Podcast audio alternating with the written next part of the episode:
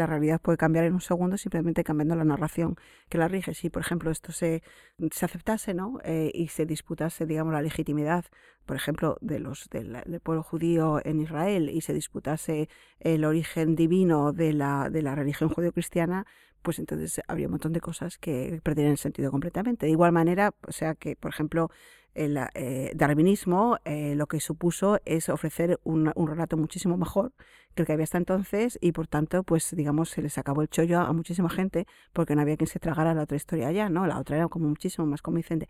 No se lo han tragado todos de todas maneras, pero eh, es un poco eso, ¿no? la sustitución de un relato por otro relato que es mejor, mejor y más como más ah, adecuado para el momento.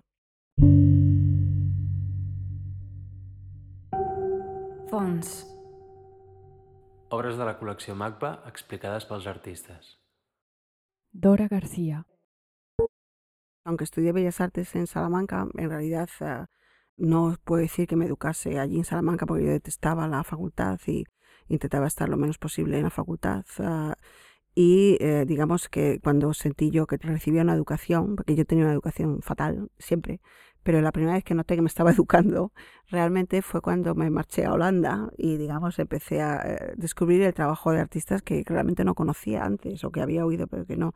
Entonces allí eh, eran los últimos años de, de, Apple y de Art and Project antes de que se convirtiesen en otra cosa y entonces pues me influyeron mucho trabajos eh, digamos de conceptuales como o de artistas clásicos conceptuales como Stanley Brown o Robert Barry, yo creo que esos son Robert Barry, Stanley Brown, no es que sea un Dan Graham, que no es que sea un conceptual eh, clásico, pero también Ian Wilson. Eh, eh, todos ellos tenían, lógicamente, compartían esa cosa ah, de John Cage, que decía que realmente había que modificar lo menos posible y que era una postura casi mística ah, sobre la idea de creación en el sentido que se, para, se trataba más de reconocer que de hacer y en el sentido que había una especie que se quería demasiado, el querer imponer demasiado la, la, voluntad artística, ¿no? el querer a, todo, a toda costa, el imprimir el ego o la, o la, la firma del artista, eh, pues era algo muy poco elegante, eh, bastante paleto,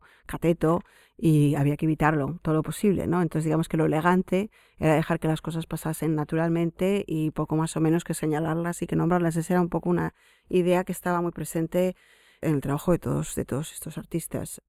Otro gran descubrimiento fue esta idea de que el delirio en realidad no es un síntoma de la locura, sino que es una estrategia para sobrevivir a la locura. O sea, la realidad se rompe, por así decirlo, bueno, es una manera un poco, es un, un poco estúpida decirlo, eh, porque en realidad romperse no se rompe nada. No entiendes la realidad. La realidad ha dejado de tener sentido. Y entonces tienes que construir el relato con el, con el que daba sentido a la realidad, que era el relato que te había dado tus padres, tu madre, tus amigos, tu, tu clase social, no, ya no funciona y entonces tienes que construir muy rápido otro relato, porque si no lo construyes muy rápido no puedes vivir. Eso es, digamos, lo que es la crisis, ¿no? La crisis psicótica. Ahora eso, como decía, no, no sea tanto porque la crisis psicótica se, se, soluciona a base de fármacos, pero antes tenías que eh, buscar rápidamente otra, otra narración eh, que diera sentido a, aquello y eso era lo que era el delirio que todo el mundo, todos los, ah, el mundo que escribe, la gente que escribía los delirios, pues estaba realmente admirada de la maravilla que eran, maravilla narrativa que eran los delirios. Y un poco de eso es, es, la idea. Entonces yo no estaba pensando en eso, pero luego lo reconozco mucho en cómo funciona eso, en la idea de proponer una relación alternativa eh, a lo que ya estás viendo, sin añadir ni tocar nada de lo que estás viendo.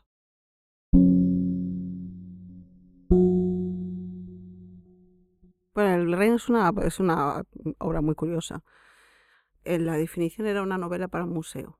Entonces la idea era escribir un texto que era a la vez novela, programa de performance, novela y programa de performance, y que generase otro texto que fuera un diario de performance. Lo que había en sala era simplemente un banco en el que había estos libros, y en estos libros salía como un programa en el que tenías ordenado por días, tenías dos textos de introducción, dos textos de introducción, y luego un calendario o un programa ordenado por días en el que tenías por horas diferentes cosas que iban a ocurrir en el museo. Y luego había una calificación de estas cosas que iban a pasar en el museo. Entonces, las cosas que iban a pasar en el museo, había cosas que eran como que iban a pasar seguramente, como por ejemplo la hora de apertura o cierre del museo, visitas guiadas, a, mm, cosas que tenían apuntadas como alguien que venía a visitar el museo o lo que fuera. Y luego había cosas que podían o no podían pasar, como diferentes encuentros en los pasillos eh, o conversaciones. Y luego había cosas que prácticamente era seguro que no iban a pasar. Y luego había cosas también que eh, ocurrían fuera del museo y por tanto no había manera de que comprobase si pasaban o si no pasaban. Entonces era la idea esta, un listado de, de, acontecimientos, un listado de acontecimientos en el que todos estaban contaminados por la misma idea de improbabilidad o de irrealidad. Había un sistema de calificación de estos acontecimientos en el que se calificaban desde probable a imposible, no, desde probable hasta paranormal. Entonces había probable, eh, bueno, seguro, eh, probable, mm, eh, muy poco probable, imposible, y luego estaban los paranormales, que evidentemente tenían que ver con, esta historia del reino de las von pero luego también porque había cosas que, podían ser paranormales. Evidentemente había, en todo esto había una especie de crítica al museo, estaba, a la institución. Luego había cosas que para que ocurrieran, había una serie de actores, se llamaban los Kingdom Players, los jugadores del reino, cuyo función era provocar estos acontecimientos. Entre estos Kingdom Players había, digamos, actores, no porque fueran actores profesionales, que algunos lo eran, pero gente, digamos, que se les pagaba por hacer, llevar a cabo este, estos acontecimientos. Había gente del museo, gente que trabaja en el museo, que se había sumado, diciendo, por interés, a, participar. Y luego había espontáneos eh, que se sumaban ah, de repente a todo este tipo de cosas y estos llevaban a cabo eh, determinadas acciones eh, que estaban descritas en el programa novela, vamos a llamarlo el programa novela porque tenían las dos características.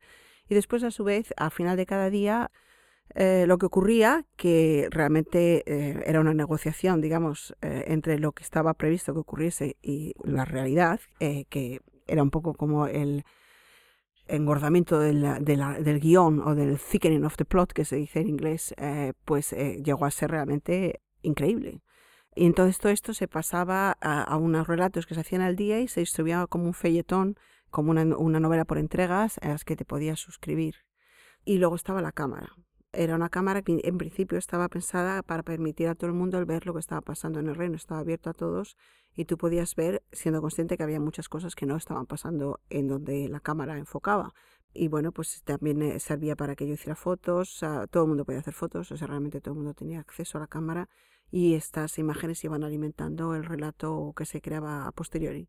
Y bueno, todo esto está online, todavía se puede leer. Luego la cámara pasa por una serie de vicisitudes y al final, y la verdad es que ahora mismo no sé muy bien el estado en el que está, eh, porque hubo que quitar el, ah, el acceso general porque pues, murió de éxito, ¿no? Había tanta gente que, que la usaba, incluso eh, he oído decir que sirvió para algunas aventuras galantes, entonces, sí, estas son cosas que me enteré mucho después. Eh, pues eh, había tanto, había, servía por lo visto también para controlar la gente, el, cómo la gente que trabajaba, servía para controlar a los que estaban en la ONA, que ya no existen, pero esa cosa que había que llamaban la ONA y que era la recepción, eh, lo usaba todo, el mundo, había gente que lo usaba para ver si sus amigos estaban haciendo skate en la plaza y demás, y entonces pues se, bloqueó, se estropeó. Hace ya mucho tiempo cuando hablaba del reino, por ejemplo, hablaba de una famosa entrevista que le habían hecho a William Burroughs en el que decía que el arte visual estaba como mucho más avanzado que la literatura, porque en la literatura desde hacía 300 años lo único que se hacía era poner guiones y lo que alguien decía, guiones y lo que alguien decía, etcétera, etcétera.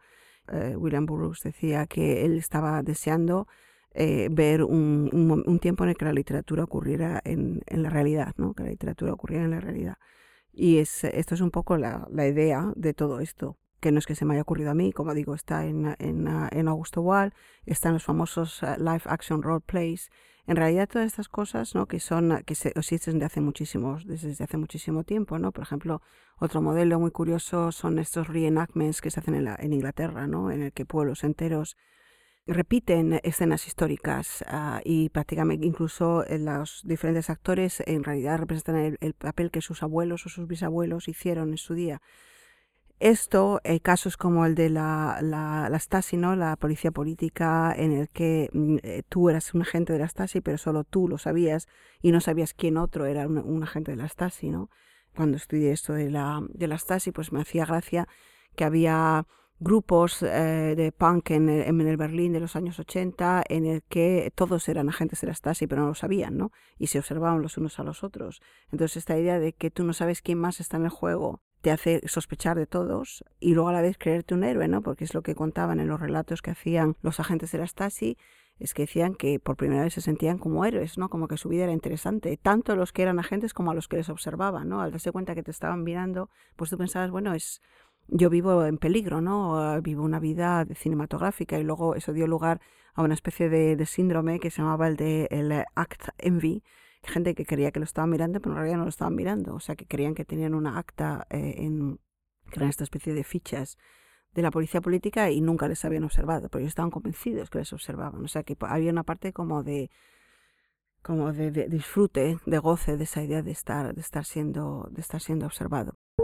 Eso, por ejemplo, en la, paranoia es un poco mm, esa especie de delirio en el que, que, que siempre son muy parecidos, ¿no? Vas desde que los demás te ponen los pensamientos, alguien, eh, eh, un ángel maligno o un demonio eh, te pone lo que tú piensas en la cabeza, puede ser un ángel y un demonio, después puede ser los comunistas, pueden ser agentes de la CIA, siempre es un agente exterior el que ha puesto tus pensamientos en tu cabeza, ¿no?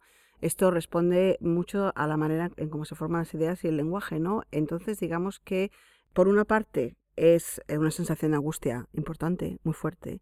Pero luego, por otra parte, siempre, esto siempre se responde con la idea de que tú eres especial. O sea, cuando hablas de los de este tipo de, delirios o de paranoias, por una parte sí, estás angustiado porque te pueden leer el pensamiento o porque te ponen pensamientos en, en tu cabeza. Pero ¿por qué hacen esto? Porque tú eres especial. Tú eres un príncipe de un planeta mm, tal, tú has sido elegido para, o sea, tú eres el elegido. Entonces es una cosa que supongo que se corresponde a las complejidades que tiene el disfrute, que siempre tiene una parte, o no sé si eso será mi cosa católica o judío-cristiana, siempre tiene una parte culpable, el disfrute siempre tiene una parte culpable.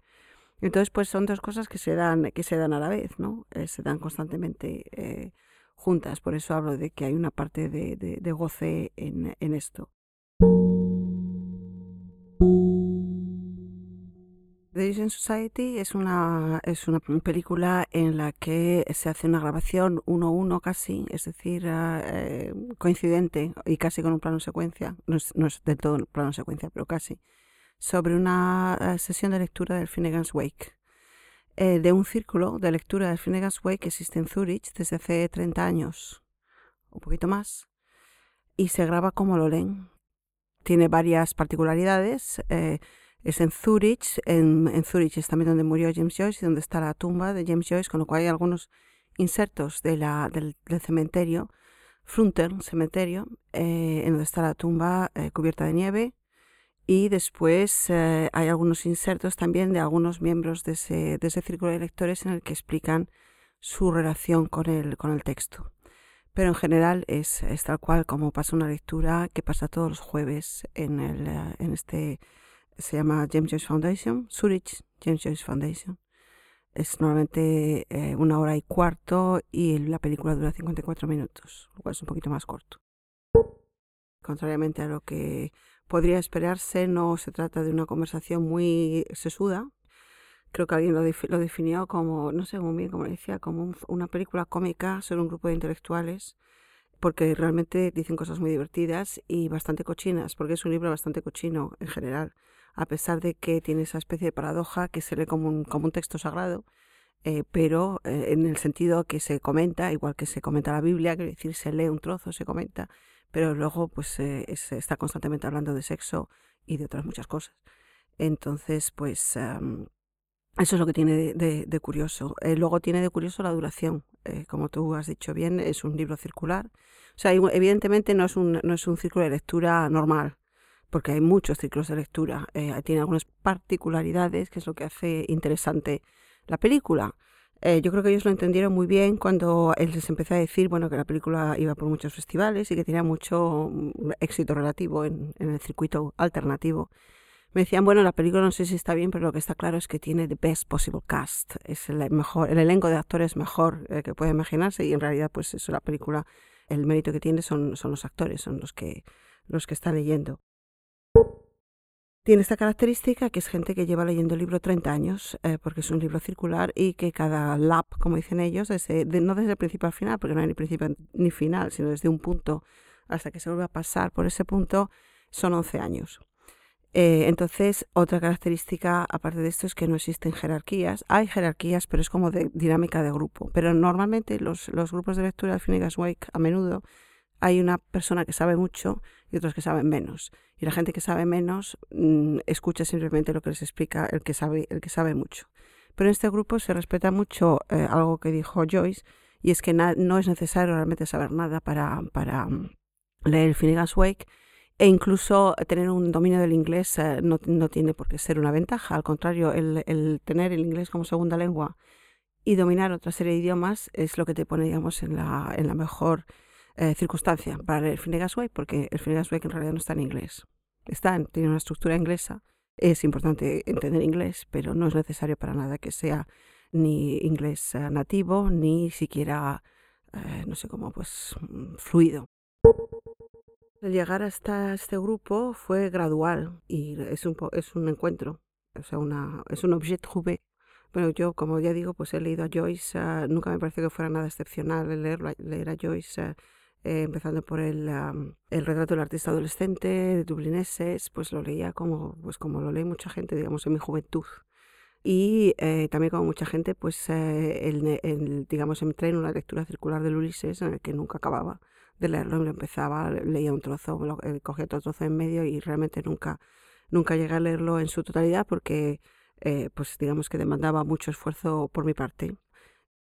El primer trabajo que tiene que ver con Joyce es el 99 eh, y era un Ulises al que le había cortado un trozo y a partir de ahí pues digamos que iba apareciendo y desapareciendo. Entonces hice una película en el año 2010 que se llamaba La sociedad, ah, no, perdón, La mayoría marginada de Debian Majority, eh, que era en Trieste y que era sobre otra cosa que en principio no tenía demasiado que ver, aunque después se verá que sí, eh, no tiene demasiado que ver con Joyce, eh, que era la revolución basagliana eh, que se hizo en Trieste, por el que se desmantelaron los hospitales psiquiátricos en Italia. Y grabando en Trieste hubo dos casualidades, una que me encontré con una estatua de Joyce y entonces me acordé que Joyce había vivido en Trieste 15 años y que en Trieste había empezado a escribir el Ulises y que había sido amigo de Italo Svevo y que Italo Svevo estaba en psicoanálisis cuando conoció a Joyce que Italo Svevo era judío, que Italo Svevo había sido uno de los modelos para Leopold Bloom, que el traductor al inglés de los textos de Basaglia era además el hombre que había fundado el Museo Svevo Joyce en Trieste. Y entonces a partir de todo esto, pues eh, empecé a, interesarme, fui a ver el, cementerio, que a mí me gustan mucho los cementerios, eh, fui a ver el cementerio judío eh, para darme cuenta que allí no estaba enterrado Svevo, sino que estaba en el cementerio católico y a partir de ahí descubrí un libro que había escrito, no un libro, sino una conferencia que había escrito Svevo que se llamaba Ulises was born in Trieste, en francés, la escribió en francés, Ulises N. a Trieste, que había sido traducido al inglés por el hermano de Joyce, Stanislaus, que eh, había vivido toda su vida y muerto en Trieste. Eh, bueno, pues entonces todo esto, digamos que se acrecentaban los pasos, los rastros de, Joyce se, hacían gigantescos y entonces eh, conocí a un grupo de allí que se llamaba eh, Summer Joyce University. Entonces ellos, pues era como es lógico, como casi todos los Joyceanos, eran gente muy simpática, muy agradable, que sabía muchas cosas, que eran muy divertidos, pues digamos que poco a poco pues me iba a tomar cervezas con ellos y entonces me hablaron de este grupo. Me dijeron, bueno, si estás haciendo una película, pues estaría fenomenal que sacaras a este Fritz Sen porque es muy cinematográfico, eh, con el pelo blanco peinado para atrás y demás. Y me hablaron de este grupo que estaba en Zurich y que era, digamos, el, el grupo modelo, era muy prototípico de, cómo debía ser una lectura de Finnegan's Wake. Y de ahí pasaron casi dos años eh, en el que yo escribí varias veces al grupo en Zurich y nunca me contestaron hasta que fui una vez a Zurich y entonces me presenté allí y vi cómo era, eh, conocí a, mm, a Fritzen, me dijo que tenían esas, ah, que si me interesaba que tenían estos grupos de lectura, tenían varios, tienen muchos, ah, tienen dos del Ulises, uno de Finance Wake, uno de Finance Wake para jóvenes, porque decía que los jóvenes se sentían inhibidos para este que grabé yo. Y entonces pues empecé a frecuentar el sitio porque en aquella época yo trabajaba en Ginebra y mm, Eran tres horas, pero vamos, las hacía, tres horas hasta Zurich y tres horas de vuelta a Ginebra para ir a estas, a estas lecturas. Y a la cuarta o quinta mm, lectura, pues les dije que sí, podía grabarles. Y así fue como fue. Cuando Joyce llega a Trieste, eh, que en realidad iba de camino hacia otro sitio, ahora mismo no me acuerdo, no me viene el nombre, pero creía que había conseguido un trabajo de profesor de inglés en una ciudad cercana, en donde le dijeron que no había trabajo, volvió a Trieste y finalmente, después de algunas aventuras, pues le dieron trabajo en la Academia Berlitz para ser profesor de, inglés y allí se quedó 15 años, se atrajo a su hermano, a su hermana, a su red, a sus dos hermanas, una se volvió a Irlanda, la otra se quedó allí, se casó con un checo y eh, empezó, digamos, la relación que tenía Trieste, Joyce con Trieste.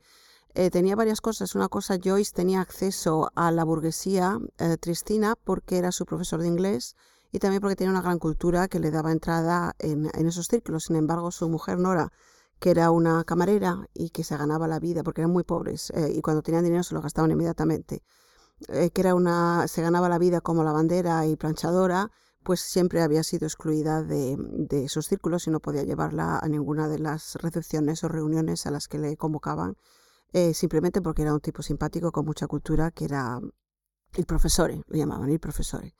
Y bueno, yo creo que siempre guardó una, una inquina considerable hacia los, hacia los burgueses tristinos por esa exclusión que habían hecho de Nora.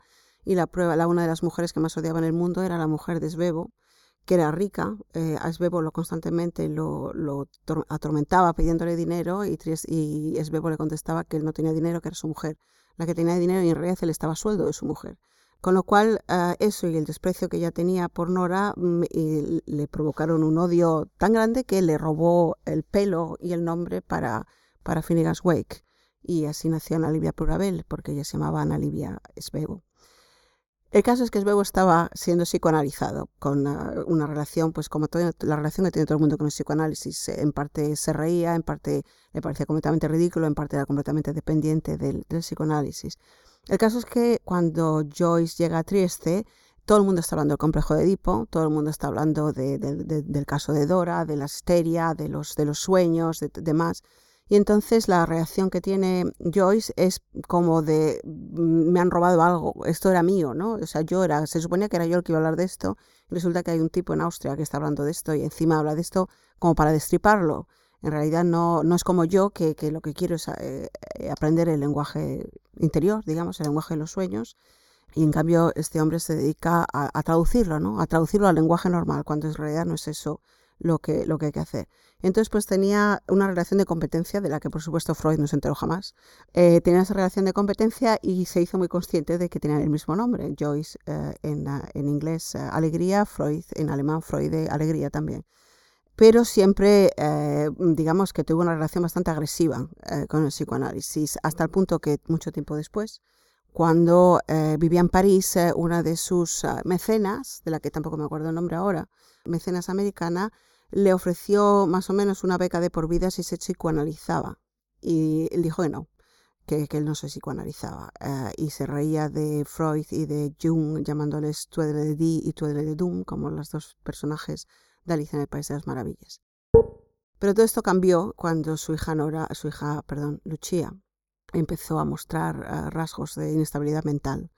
Y entonces pues uh, se entregó a los médicos, se entregó a los psiquiatras, se entregó a, a Jung, que fue uno de los psicoanalistas que le trató y, buscaba desesperadamente de cualquier modo y manera el, uh, el, ayudar a su hija.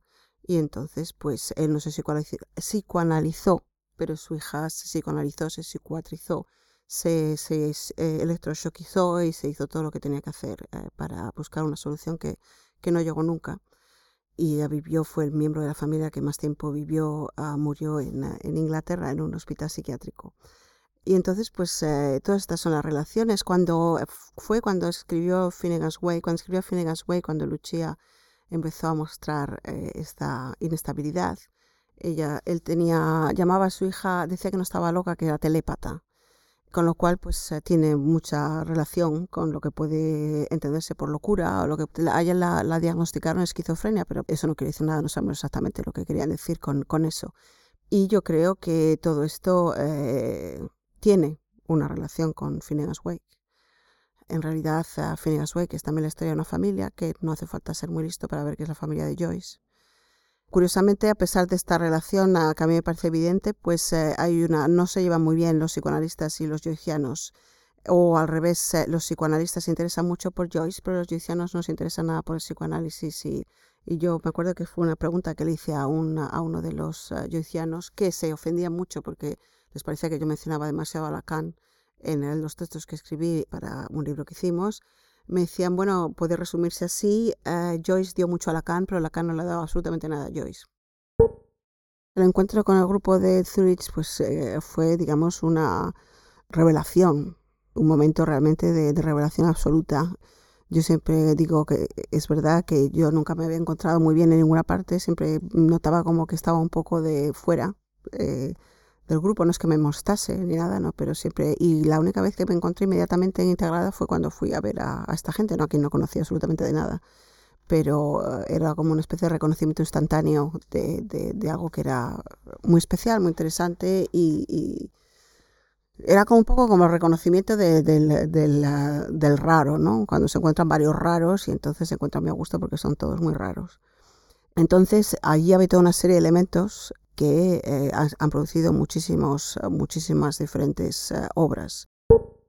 Esa idea del, libro roto, ilegible, uh, el, texto ilegible, ¿no? Es una cosa que en esta pieza del 99, cuando cortaba el, libro de Ulises, pues ya estaba, estaba allí, ¿no? Esa idea de que un libro es un volumen eh, perfecto, un paralelepípedo perfecto, pero que al seccionarlo, pues no seccionas mucho más que un paralelepípedo, secciones el sentido, eh, hay algo que se pierde para siempre, eh, el sentido que tiene una hoja suelta, eso y digamos a, base, el, eliminar el sentido a base de eh, exceso de sentido, porque la, notación, digamos, constante y brutal, aparte que es imposible volverla a leer, anula el, el, texto original, no, prácticamente no se puede ver, nunca más no se puede reconstruir es un, poco matar eh, un, asesinato por amor, ¿no? Hay un amor tan grande hacia ese libro que lo, asesinas. Eh, ya no existe el libro, el libro ha quedado reducido a una serie de, hojas sueltas. Prácticamente todo tiene que ver con Phineas Way. Cuando se pregunta de qué va el libro, que es una pregunta como muy normal en cualquier libro, de qué va el libro, pues se contesta con mucha, sin, eh, digamos, sin mentir, que el libro va de todo y una vez que estás leyendo eh, encuentras sin parar referencias en todas partes, por todas partes, a, lo que está diciendo el libro. Esto tiene mucho que ver con cómo se escribió el libro y es un libro también como modélico en esa idea de que leer es escribir y escribir es leer. Eh, son, es exactamente el mismo proceso. Eh, se lee Finnegan's Wake como se escribió el Finnegan's Wake.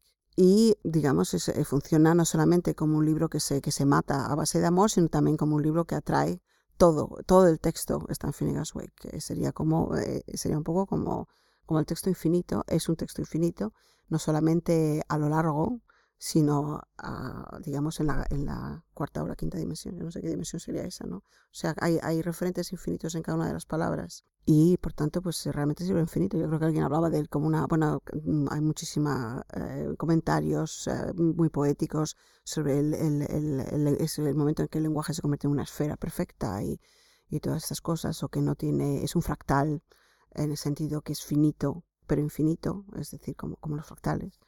Eh, pues todos estos son comentarios que, que, no son cursis, sino que son reales, son ciertos, ¿no? Eh, cuando es un, es un texto inexhaustible eh, y, los libros que lo contienen son exhaustos, se quedan exhaustos, por, digamos, por, un ejercicio brutal.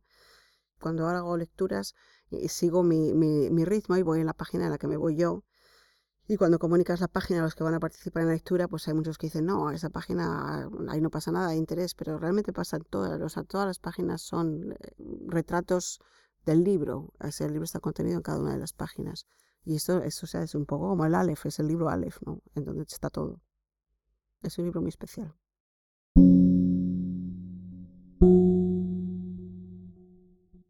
El Sunset Book es un facsímil de la, de la mesa de lectura de la, de la película nace de esta lectura. Eh, me, me, invitan, o sea, realmente esto como muy circunstancial, me invitan a hacer un trabajo en, eh, se llamaba la Trienal de Bergen, uh, Monday Begins on Saturday, que era una, estaba inspirada en una, en una novela de ciencia ficción de los hermanos Strugatsky, que son rusos, y que hablan de la, más o menos hablan, digamos, del momento en que la investigación científica se convierte en algo mucho más cercano al misticismo, al oscurantismo y a la investigación artística también.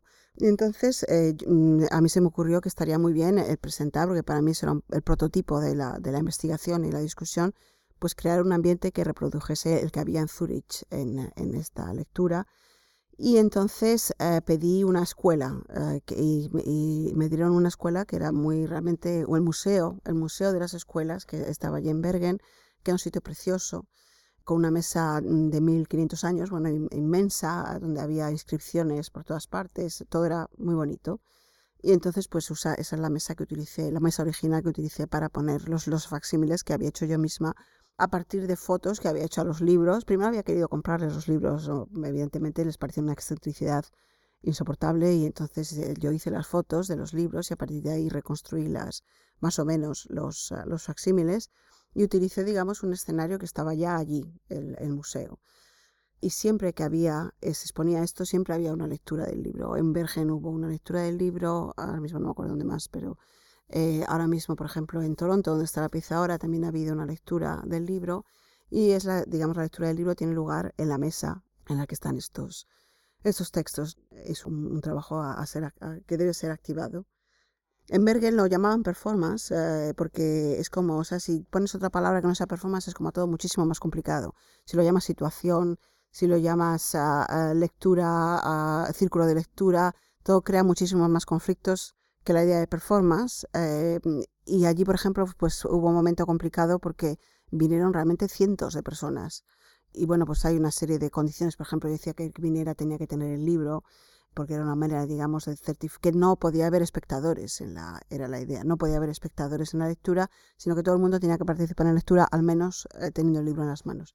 No, estuvo muy divertido porque, por ejemplo, en Bergen eh, la mayor parte de la gente no tenía libros, entonces hubo en un momento fueron como poseídos a, imprimir el libro de Internet, pero el libro de Internet no tenía las páginas, eh, la numeración de las páginas era una tragedia inmensa porque no hay manera de encontrar un, fragmento. Si no es por la página, entonces lo calculaban por volumen, ¿no? Y entonces iba pasando la medida, como diciendo, es, es por aquí. Y entonces iban pasando la medida para ver en qué página estaban cosas muy curiosas. Cuando presenté el libro, eh, o sea, presenté los libros la primera vez en Bergen, esto en el año 2013, pues entonces a esto añadí, había una hermosa pizarra y había un hermoso mm, chisme de estos con papeles que se pasan, o sea que no es una pizarra, pero es una cosa, cosas para escribir. Y entonces en uno decidí poner eh, los ríos, porque lo que estábamos leyendo era el capítulo de Anaribia Plurabel, que es el que yo leí, el que se lee en, el, en la película y por el donde yo empecé el libro. Entonces, eh, eso con, eh, creo que son, muchísimos, como 300 ríos se, se contiene. Intenté encontrar los 300 y hice una lista con todos los ríos que había en, la, en el texto. Y después pensé que si tenía los ríos, que estaría bien también tener los personajes y como me habían uno de los insertos que tenía uno de los lectores eran estas siglas eh, que son muy bonitas eh, y que son como muy, ¿cómo decirlo?, místicas, casi como la cábala, ¿no? El principio masculino, el principio femenino, los, los jóvenes, los hijos que son dos porque son uno, en la relación con la mitología, la mitología nórdica, la mitología griega. Entonces, pues eh, esto era muy bonito y, no podía desperdiciarse y entonces hice un dibujo con los, con los signos. Esto tiene mucho que ver con la idea de la, del libro exhausto, de la grafomanía, que es una de las derivaciones de esto la idea del libro exhausto, la grafomanía por la que estuvieron, ah, por ejemplo, la diagnosis, el diagnóstico que tenía Artaud, era la grafomanía, eh, la idea de que no puede quedar un resquicio sin escribir en el libro, en, en Finnegan's Wake también hay esta referencia que uh, Shem es, que es en, principio Joyce, y Sean, que es en principio su hermano, uh, Shem es negro, uh, Sean es blanco, Shem es negro porque se ha escrito encima y todo el rato, eh, digamos, está negro a base de hacerse inscripciones sobre la piel y de aquí va a parar esta idea de la, de la notación infinita. Bueno, yo creo que la serendipia es una, es una manera de trabajar que es común a todos los artistas. La idea de Auger Trouvé, que he dicho, he mencionado antes, pues es realmente una manera evidente que tienen todos los artistas de, trabajar. Digamos, la dificultad ahí es reconocerlo, reconocer el momento en el que has encontrado algo realmente, realmente valioso. Reconocer el diamante en bruto que, te has encontrado. Y en cuanto al hipertexto, es curioso, ¿no? Como cuando te encuentras por primera vez con cómo funciona el hipertexto, allá por el año, no sé, 92 o así, ¿no? Entonces eh, te das cuenta que hay muchos hipertextos a la letra, ¿no? Desde la famosa rayuela, pero también los cómics. Yo me acuerdo de que siempre hablaba de un cómic de los Freak Brothers que tenía yo, que eh, tenía todas esas diferentes líneas que podías elegir. Podías pasar a la página 14, después a la página 15. Después esto también parece ser que en los cómics japoneses es bastante común. Me enseñaron un Dragon Ball que hacía lo mismo. Y bueno, pues eh, la idea de hipertexto de las varias soluciones pues es, es más antigua que Internet. Y desde luego la noción de hipertexto en Finnegan's Wake es evidente. Hay un libro que usa mucho, porque claro, los, lectores, la, edad media de los lectores del Finnegan's Wake en la película, pues no sé, es como 30 años mayor que, mayor que yo, y entonces tienen este libro, que ahora es completamente obsoleto, pero es muy bonito, que es el Roland McHugh. Y el Roland McHugh es, una, es un libro hecho con las anotaciones de varios lectores del Finnegan's Wake, de manera que tú tienes, el libro reproduce exactamente la estructura del Finnegan's Wake, pero sin texto. Y, lo que tienes, digamos, solamente las anotaciones. Esto de la anotación, de la nota a pie de página, es algo también que le gustaba mucho a Svevo y le gustaba, en Trieste era muy, era era muy popular. Estaba este, Bobby Baslen, se llamaba este, este escritor, Bobby Baslen, que era un, un, caso típico ah, de artista sin obra, eh, que era un escritor tristino que estaba convencido que ya no se podían escribir libros y que solo se podían escribir notas a pie de página. Y entonces es, lo que escribía, ¿no? notas a pie de página. Es prácticamente imposible encontrar alguien que busque no en Internet, es decir, alguien que se vaya a un libro, eh, es como súper difícil, ¿no? Les cuesta muchísimo cuando dices, bueno, pues vete a la biblioteca o, o no sé, es realmente un, un trabajo como, como ímprobo. los diccionarios, por ejemplo, nadie busca diccionarios, lo cual hace que casi nadie se sepa el alfabeto, porque no sabe muy bien qué, qué letra viene antes de la siguiente, porque no se usan los diccionarios. Entonces, eh, esto realmente provoca una manera diferente de pensar en la que siempre hay algo detrás de cada cosa, ¿no? Siempre, siempre hay algo detrás de cada palabra. cada palabra contiene una serie infinita de palabras, que es algo que es como muy banal en el momento de utilizar Internet, eh, los links, demás, pero a la vez, si uno lo piensa, eh, es un, en realidad es la, esencia misma del, del, psicoanálisis, ¿no? La idea del psicoanálisis de que detrás de una palabra, de un nombre, detrás de una, de una palabra nunca hay un objeto, sino que hay otra palabra y así hasta el infinito.